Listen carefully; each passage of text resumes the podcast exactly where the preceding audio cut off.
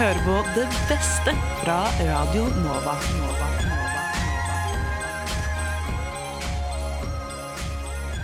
Hallo på deg, min kjære venn, og tusen millioner takk for at du har tunet inn på podkasten Det beste fra Radio Nova. Hver uke loser jeg, altså Henrik Jensen, som er fagsjef på Radio Nova, deg trygt gjennom en reise helt utenom det vanlige, hvor jeg billedlig talt viser deg rundt i hva som skjer inne i våre radiostudioer her på Radio Nova. I denne ukens episode skal du blant annet få et innblikk i tegneserieuniverset. Du skal få høre hvorfor en gjeng med late kinesere er blant verdens viktigste aktivister om dagen. Du skal lære hvordan man ikke oppførte seg på date. Du skal få et innblikk i søkehistorikken til Ole Gunnar Solskjær og Bjørn Dæhlie, før vi til slutt må en tur innom dataspillet Roblox. Men aller først, hva gjør du hvis du er hennes nummer to? Dette spørsmålet ble sendt inn fra en anonym student i Oslo til vårt rådgivende studentorgan Baklengs inn i Lånekassa, som hver eneste uke besvarer spørsmål fra Tigerstadens mange studenter. Og hva gjør du hvis du er hennes nummer to? Jo, svaret får du her. Baklengs inn i Lånekassa. På Radio Nova.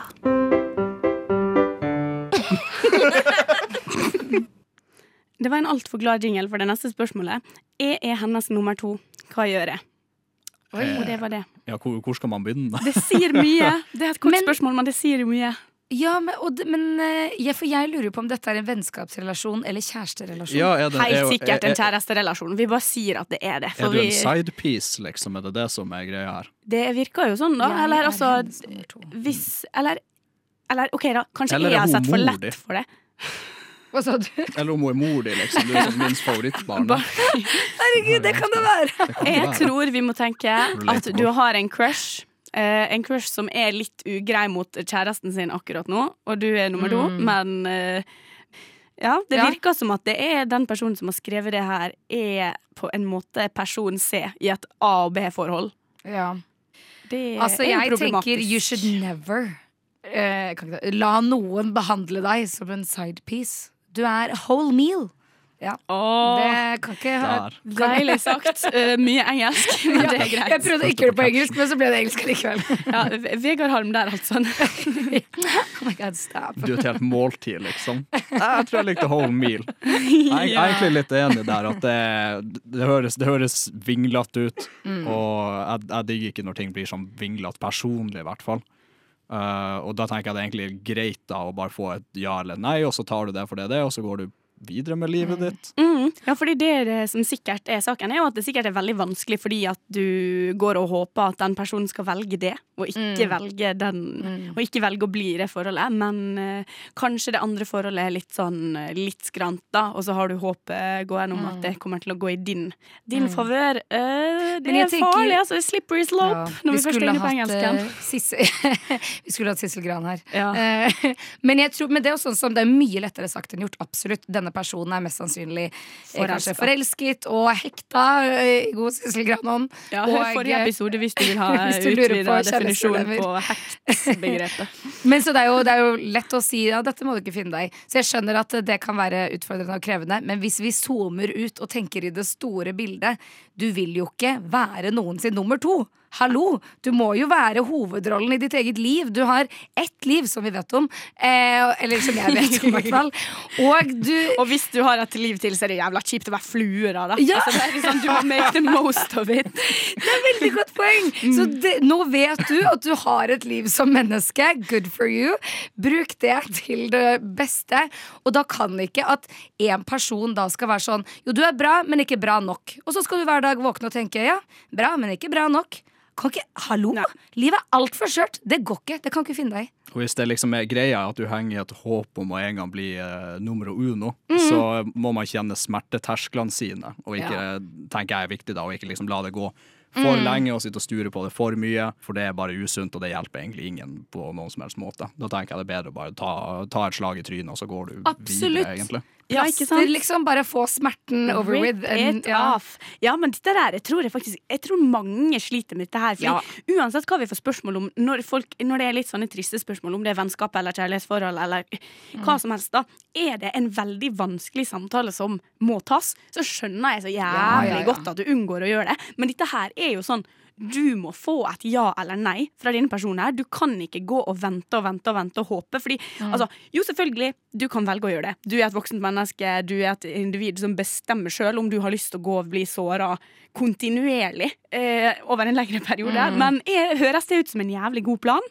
I don't Og, think so. ja, og så skal du jo ikke måtte trenge å overbevise noen om at du er om at du duger.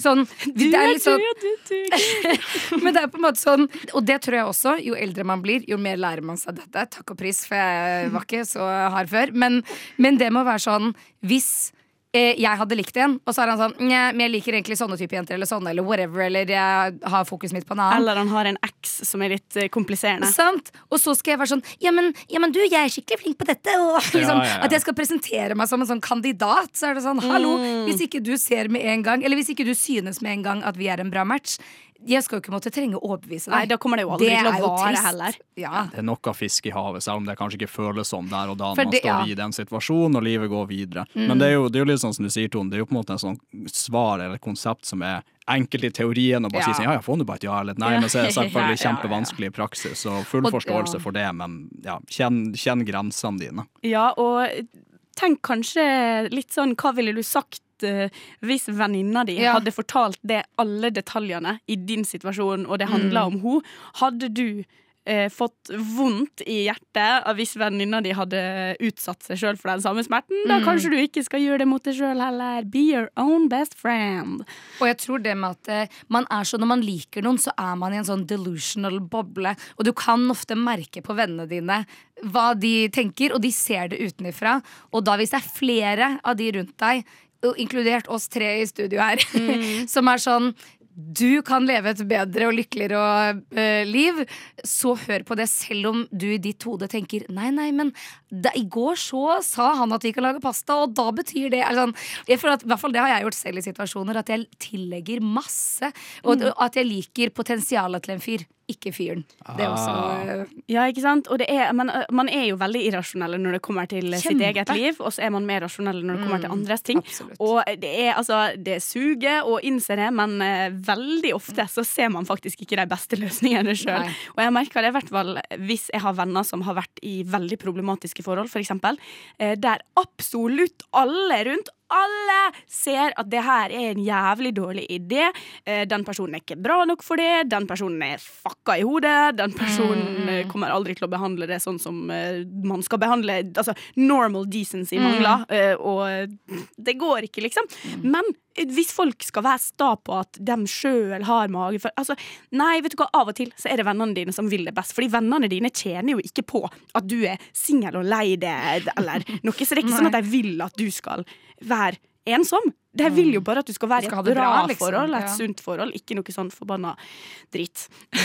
Og om det er vanskelig å holde perspektiv på det, bare eh, tenk på at du ikke vil leve ditt andre liv som en flue som tenker tilbake på livet ditt som en sidepiece, på en måte, til syvende og sist.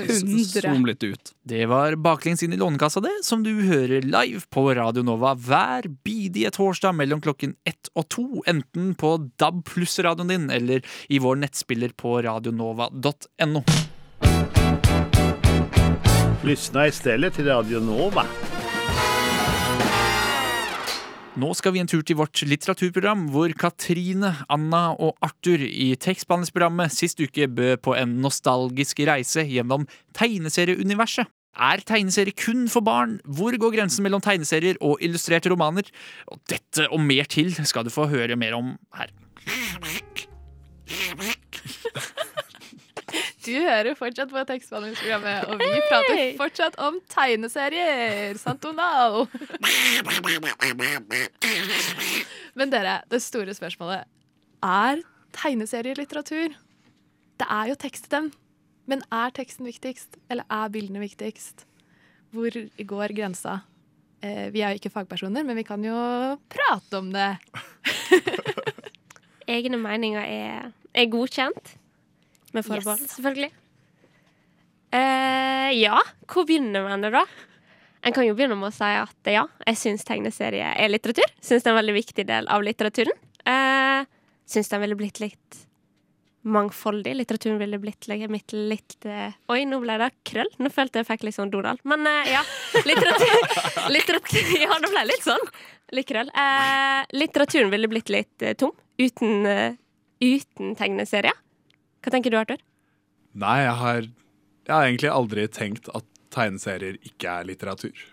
Men hva med, en, hva med en tegneserie uten tekst i det hele tatt? Det som da sier at det er altså som, som gjør at det minner om en, om bok og en tekst, er jo det at den er på sider og kanskje omringet av, av bokpermer. Mm. Er det litteratur?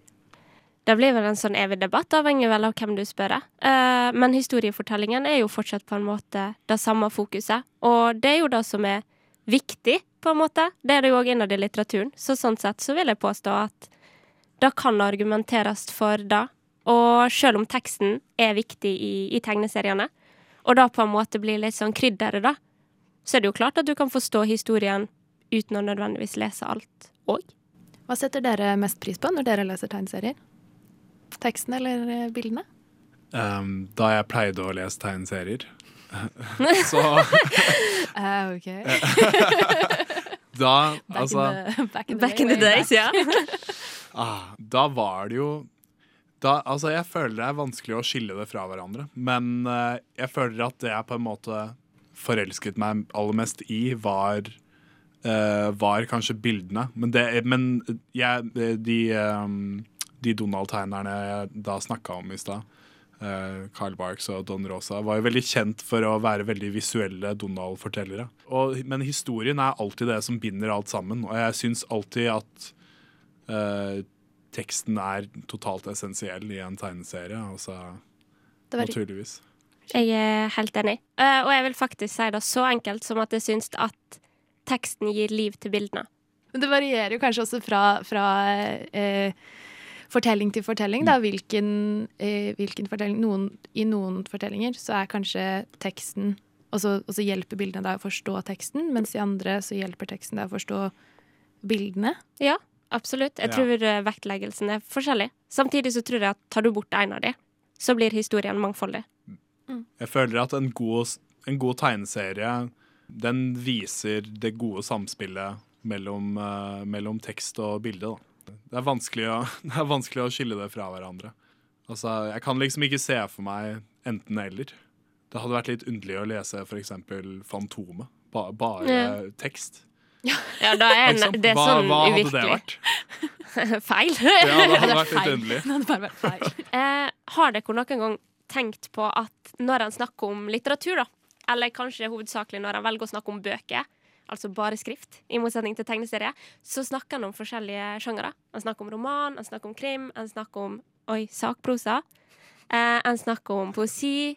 Altså det er så mange forskjellige kategorier som du plasserer ting i. Mens når han snakker om tegneserie, så snakker han bare om tegneserie. Og dette til tross for at tegneserie, som vi har snakket om tidligere, da, kan omhandle dagsaktuelle problemstillinger som en ønsker å gjøre folk klar over eller oppmerksom på. Eh, eller da kan være snakk om liksom ekstreme mengder av fantasi. Kanskje til og med forbi all form for skjønnlitteratur eller science fiction. Fordi at gjennom illustreringen så er du ikke avhengig av at leseren sjøl skaper seg et univers. Du skaper det på en måte for dem, eller hjelper dem på vei.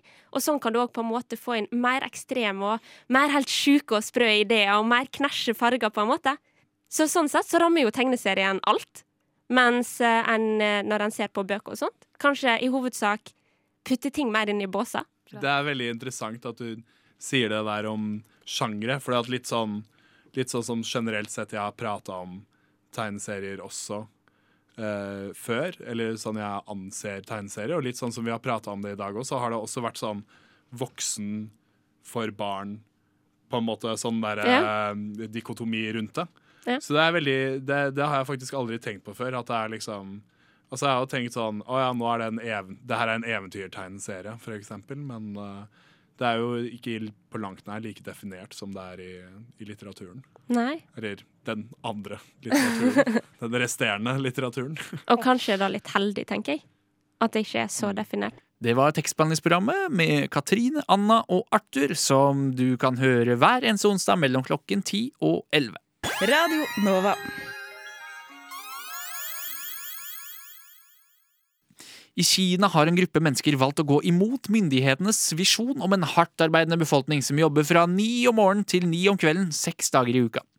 Benjamin fra vårt samfunn- og aktualitetsprogram Opplysningen 99,3 snakket sist uke om fenomenet lying flat movement, hvor livskvalitet trumfer økonomisk vekst. Ganske interessant? Ja, hør på dette. Du hører på Radio Novas samfunns- og aktualitetsmagasin Opplysningen. Hver fredag fra klokken 10 til 11 på Radio Nova. Opplysningen på Radio Nova.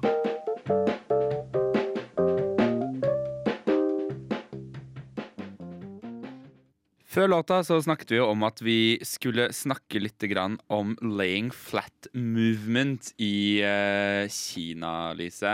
Og jeg begynner med å stille deg det åpenbare spørsmålet. Har du hørt om lying flat movement før? For å være helt ærlig, så har jeg faktisk ikke det. Nei, for dette er jo en bevegelse som har høstet uh, sterk kritikk og møtt uh, sterk motstand. Kanskje åpenbart nok av, fra kinesiske myndigheter. Men hva er det egentlig?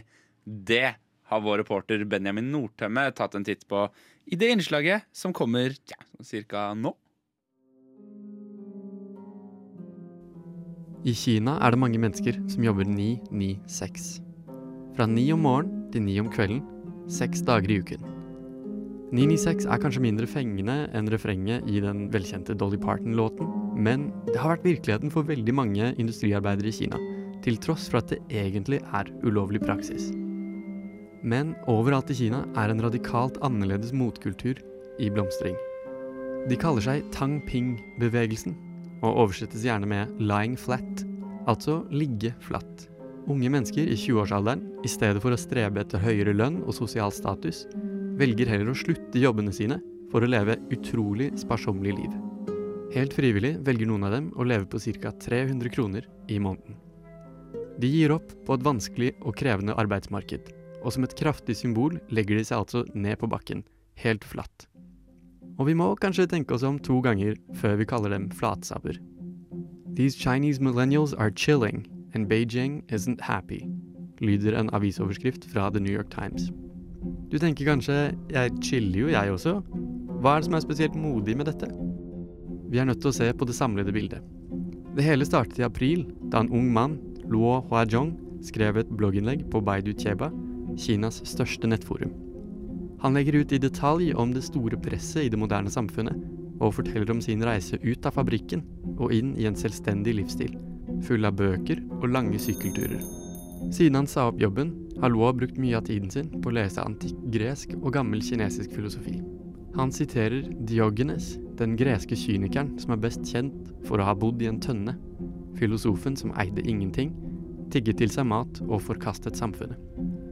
Med svært milde ord bruker Luo dette blogginnlegget for å rette kritikk mot Folkekongressen, Kinas øverste maktorgan. I Luos egne ord er Kina landet som aldri ble skapt for å fremme menneskelig subjektivitet. Mine tanker kan jeg skape selv, og ligge flatt er min vise bevegelse. Talentet er alle tingenes målestokk. Hvis vi pauser opp nå og faktisk pakker ut filosofien her, ser vi en sterk tro på individualisme i Luo. Det er en oppfordring til å gå sin egen vei, ikke jobbe seg til en meningsløs tilværelse. Lying Flat-bevegelsen er derfor både kritisk til det tradisjonelle familiekonseptet, men de er også anti-forbrukersamfunnet. De samler seg bak et slagord. Tang ping shijiang yi. Tang ping Zheng yi. Ligge flatt er rettferdighet. Er dette Kinas helt egne hippieøyeblikk? Her finner vi kanskje en fallgruve. Det går litt fort i svingene. Det originale innlegget ble sensurert ganske fort, og alle søk på Tang Ping modereres kraftig på det lukkede kinesiske internettet. Fra myndighetenes vinkel er Lying Flat en potensiell trussel, og står i veien for Kinas økonomiske planer. Kommunistpartiets strategi innebærer å få opp salget av produkter internt i Kina, og hvis planene skal fungere, forutsetter det god tilgang på unge industriarbeidere. Ifølge The Guardian er det mange i Lying Flat som har jobb, men de jobber gjerne én eller to måneder i året. Kortere, mer fleksible og bedre betalte jobber i servicebransjen og gig-økonomien. Tenk Foodora, men i Kina. Vinklingen fra kommunistpartiets presse har en helt annen lyd enn Luos manifest. Struggle itself is a kind of happiness, skriver partiavisen Southern Daily. Choosing to lie flat in the face of pressure is not only unjust, but also shameful, lyder det. Så hvor står vi egentlig? Er tangping en nisjegreie? Det er nettopp dette som er litt vanskelig å avgjøre. Delvis fordi tilgangen på pålitelig informasjon fra Kina er litt dårlig. I den vestlige pressedekningen får vi servert dybdeintervjuer med unge urbane kinesere fra masse forskjellige bakgrunner. Ikke bare tidligere industriarbeidere, men også bankansatte, arkitekter og mer til. Associated Press siterer en ung anonym kvinne med følgende budskap. I want to be free from inflexible rules. I want to travel and make myself happy. Så neste gang du befinner deg vannrett på en sofa eller sengen hjemme, kanskje du vier en liten tanke til alle disse unge kineserne. Og muligens er det ikke flatsabber, men heller budbringere. Viktige unge stemmer som tar kampen for en friere og bedre hverdag. Det var Benjamin fra Opplysningen 99,3, som du kan høre live hver fredag mellom klokken 10 og 11 på Radio Nova. Radio Nova er best. Alle andre er tapere. Radio Nova er best. Radio Nova. Mm. Radio Nova. Siden 1982 har Radionova gitt deg favorittmusikken din før du visste at du likte den.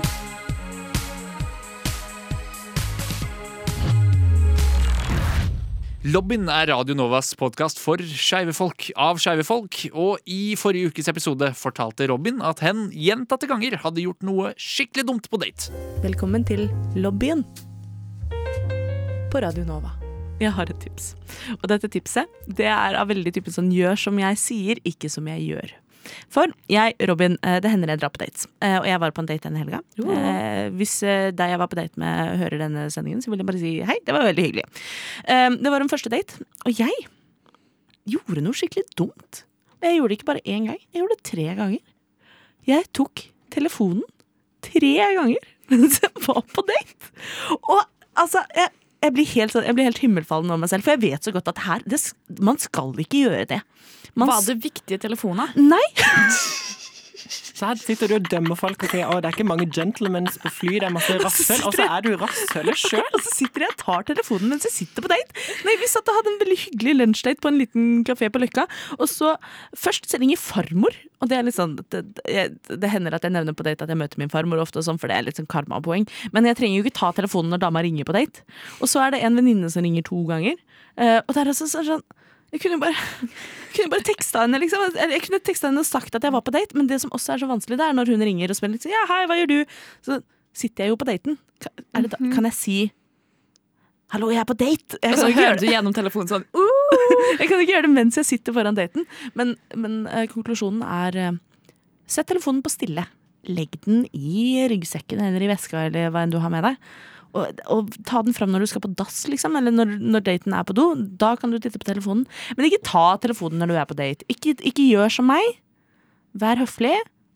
Gi daten din oppmerksomhet. Det er mitt tips i dag. Men tipset ditt er jo oppfør deg som, som det forventes. Altså, det kan, Oppfør deg som folk har folkeskikk. For, for vi har jo ikke liksom sett langtidsvirkningene av dette. Det kan jo være at det bare Altså Egentlig så gikk det helt krise, men så var du litt kostbar. Eh, For jeg tenker eh, kanskje Jeg jeg vet ikke. Du er jo veldig snill. Ja, og Eh, jeg, så jeg kanskje jo kanskje, Du trengte litt edge. Men det fins jo ikke kostbar. Jeg syns jo bare jeg virka surrete. Men eh, det jeg også kan legge til, er at hvis du føler også at du har hatt en litt dårlig date litt som, Det føles litt som et dårlig jobbintervju, hvor jeg har forberedt meg dårlig. Det var litt den følelsen jeg satt igjen med etterpå, at jeg hadde, vært, jeg hadde gjort et dårlig inntrykk, og det var bare min skyld. Eh, men da eh, går det alltid sånn å sende en melding og si du, jeg beklager. Eh, jeg har dårlig samvittighet. Jeg syns jeg oppførte meg skikkelig dårlig, men daten var hyggelig, og jeg vil gjerne møte deg igjen. Eh, så sender man den meldingen, og så kan det hende det går bra, og så kan det hende det går dårlig, men du har i hvert fall sagt unnskyld. Men jeg vil jo si at det altså det du sa i stad, det er jo ikke et råd, det er jo allmenn kunnskap. Men det du kommer med nå, det er jo et råd. Det er jo et kjempebra råd. Her er tipset. Det er, tipset er har du fucka opp første date og virker som et rasshøl, så går det an å sende en hyggelig melding. Være helt ærlig og åpen om eh, hva som skjedde, og at du vet bedre. Så kan du faen meg få en date til. Det er. Så, så det, det er ikke sånn at du bare er en audition to make it. Og det, beste, og det beste er å sende den meldingen så fort som mulig, og ikke drøye med den altfor lenge. Eh, For hvis den kommer to dager etterpå, så virker det som om du bare angrer. Men hvis den kommer med en gang etterpå, så har du vist at oi, shit, uh, dette skjønte jeg med en gang, faktisk. Egentlig så innser jeg nå at det morsomme hadde vært hvis du hadde ringt.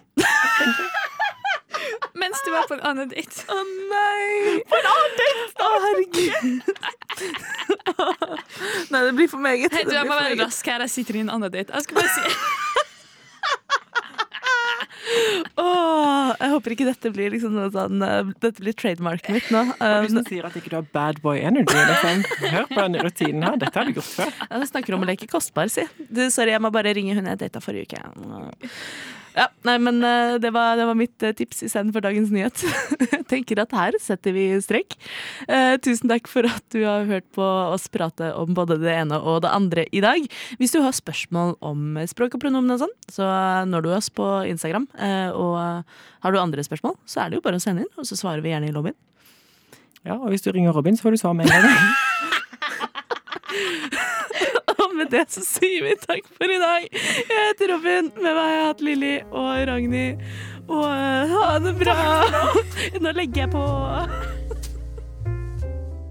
Det var Lobbyen, vår ukentlige podkast av skeive folk for skeive folk. Du lytter til Radio Nova. Hvordan ser Google-historikken til Ole Gunnar Solskjær og Bjørn Dæhlie egentlig ut? Theis og Marit fra Frokost de sitter på fasit. Frokost på Radio Nova. I dag finner du også Theis, og du finner Marit. Og vi er begge aktive googlere, Marit. Veldig. Veldig. Akkurat som Erna for eksempel her. Hun googler sikkert ganske mye. Og det vi da lurer på, er hva er det kjendiser sitter og googler? Fordi man glemmer det at kjendiser de er helt vanlige folk som googler, de også. De er selvsentrerte og usikre og har sine feil. Og da kommer de kanskje fram gjennom Google-søkene deres. Ja, De lurer på ting, de også. Så vi, Marit, vi har tatt for oss en kjendis hver og sett for oss hvordan en slags Google-rekke Ja. Eh, med ulike søk kan se ut fra denne personen. Eh, og jeg ga deg oppgaven Ole Gunnar Solskjær. Ja, etter eh, gårsdagens fadese. Ja, var det gårsdagen? Det var i går. Ja. Tapte 5-0 mot Liverpool. Oh. Pogba ble bytta inn i pause, utvist etter et kvarter. Så det gikk ikke så bra med verk- verken Ole Gunnar eller hans spillere. Så det er spørsmålet hva googler Ole Gunnar nå for tiden? Du Ja. har svaret, Marit. Ja, svaret. Dagens Google-resultater fra Resultater. Google-søk fra, Fra Solskjær Gunnar. himself. Solskjær Manchester United-manager. How to train your keeper soccer. Liverpool on steroids? Question mark. Mourinho excuse after Bodø-Glimt loss. Stillinger fotballtrener. Gymlærer lønn. Leilighet Molde pris. Åh. Det var gøy å være stor i Manchester, Ole Ja. Gunnar, men kanskje kommer han hjem etter hvert nå. Ja, det, men vi kan jo håpe på det. Kan jo at det blir litt hyggelig for oss. På en måte. Kanskje. Kanskje han trenger det. Jeg fikk eh, også et uh, sportsaktig navn. Bjørn Dæhlie. Gamle skilegenden som nå har vært skatteflyktning i Bø i Vesterålen i en liten periode. Han, har, han skal nå selge huset sitt der.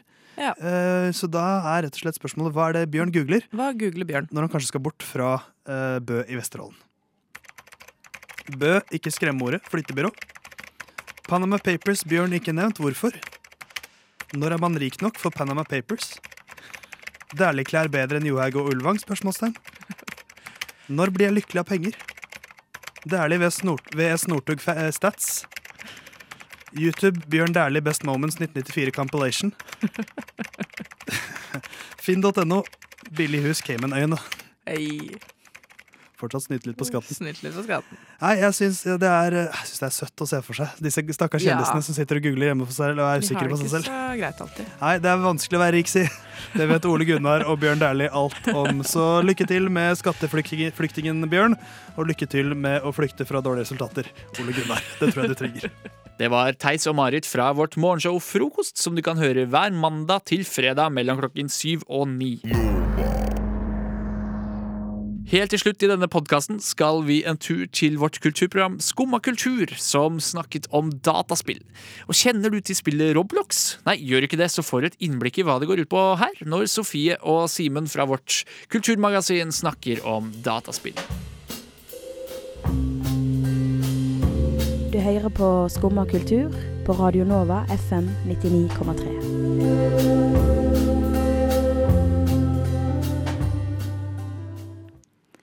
Nå har vi fått med oss at du er veldig god på spill, Simen. Og så har vi kanskje også skjønt at jeg ikke er det. Eh, men jeg er jo egentlig der at jeg syns det å spille dataspill er litt gøy. Jeg bare har ikke eh, kunnskapen eller, eh, og heller ikke utstyret til det. Men jeg har en laptop. Og jeg har spurt deg om du har en anbefaling til et spill jeg kan laste ned på min litt dårlige laptop, som den tåler. Ja. Og som jeg kan synes er gøy, uten å trenge å sette meg inn i liksom, en verden av uh, de dypeste dataspillgreiene. Ikke sant? Uh, OK. Det er, ganske, det er et sånn ganske stort spørsmål, da. Ikke sant? For du, ikke sant? Det er litt sånn Jeg må vite litt om deg. Ikke sant? Hva liker du, hva liker du ikke? Ikke sant? Hva, hva, hva du vanligvis har spilt, da. Eh, Mario og Football Manager og Cooking Mama 2 på DS-en min. Ja. Eh, men jeg syns, altså, jeg syns egentlig at uh, det meste kan være gøy. Ikke sant? Og hvordan liker du Dette er sånn veldig, det er sånn veldig sånn uh, vanskelig spørsmål hvis ikke du på en måte er vant til å spille mye, da. Men Ja. Hvordan liker du å spille? Liker du å spille sånn du bare investerer deg i en time? Eller liker du liksom å bare liksom quick, du kjører en runde, liksom poff, poff? Ikke sant? Ta, en, ta et game med Tetris, liksom. Ja, nei, altså Jeg kan godt liksom sette meg ned med noe. Jeg spiller jo Football Manager, og da Ja, sitter jeg gjerne i sånn sitte to timer av gangen. Da må du sitte en del, ikke sant? Ja. Ja. Uh, vet du, kjenner du til Doom? Nei? Ok, for det er en av de første sånn store er, Det var en av de første sånn store first person shootere, da, sånn skytespill. OK. Uh, det går an til å spille nå i Twitter. Er sånn du er klar over det. Eh, altså, hæ? Spiller du opp i Twitter-appen? Ja, i Twitter-appen. Okay. Kanskje ikke på den måten, måten du eh, håper på, da. Men uh, den Ja. Ja? Du, har, du, du kjent, har du kjennskap til sånn Twitch Plays Pokémon? Nei. og sånne ting. Nei, OK. Det er sånn uh, Du på en måte skriver bare inn inputene i Twitter. Du skriver liksom inn 'gå framover', og så får du en video, da. Sendt til Ok. deg av at karakteren i det spillet går framover. Og sånne okay. ting. Så det er, ikke, det er ikke så kult som du kanskje trodde det var. Men, selve spillet, da? Sånn Ja. eh, Hvis jeg Men det var, bare, det var et eksempel på noe som kan spilles på hva som helst. Kan, ikke sant? Ja. For du, men du må spille på en litt kjedelig måte, da. Men det jeg egentlig skal anbefale deg, Ja. det er Roblox. Ok, ja, for det har jeg hørt om. Ja, ikke sant? Det tror jeg alle sammen har hørt om. Og jeg spiller Roblox da jeg var mindre, og Roblox er det feteste i verden. For at, og folk vet egentlig ikke hva Roblox er, Nei. men Roblox er liksom et spill der du lager spill. Så alt er liksom Alt du kan tenke på, er i Roblox. Som for eksempel et Squid Game-spill. Eh, Et sånn eh, Ja, sånn lage en vannpark. Okay. Late som du er en adoptert ulv. Eh, I Roblox kan du på en måte gjøre alt, da. Og det er sykt bra kvalitet, og folk har laga syke ting. Det er liksom outsourca, altså du lager hva du vil. Ja. Eh, men det er, Roblox finner du alt du vil, og det rønner nesten på alt. Og det er så jævlig mye bra, og det er derfor alle ungene i dag spiller Roblox, for Roblox er dritbra. Men er det sånn at jeg også bare må inn og bygge ting? Eller Nei, nei, kan du spiller også... det andre folk. Det er ganske vanskelig å bygge ting og sånn. Ok, men da skal jeg ikke gjøre det. Eh, hvis jeg vil bygge ting, så kan jeg laste ned Sims. Ja, eller så- kan du spille, gå på Roblox og spille Ultimate Build. Ikke sant? Og spille spill som er laga for at du skal bygge ting. Alt er i Roblox. Det er det som er greia. Og du finner på en måte alt. Og det, jeg lover deg, det er FM i Roblox. liksom Det er fotballmanagerspill i Roblox. Eh, Men det jeg anbefaler deg mest å spille i Roblox, som er det mest sånn addiktive jeg noen gang har spilt, det er et spill som heter Beeswarm Simulator. Hæ?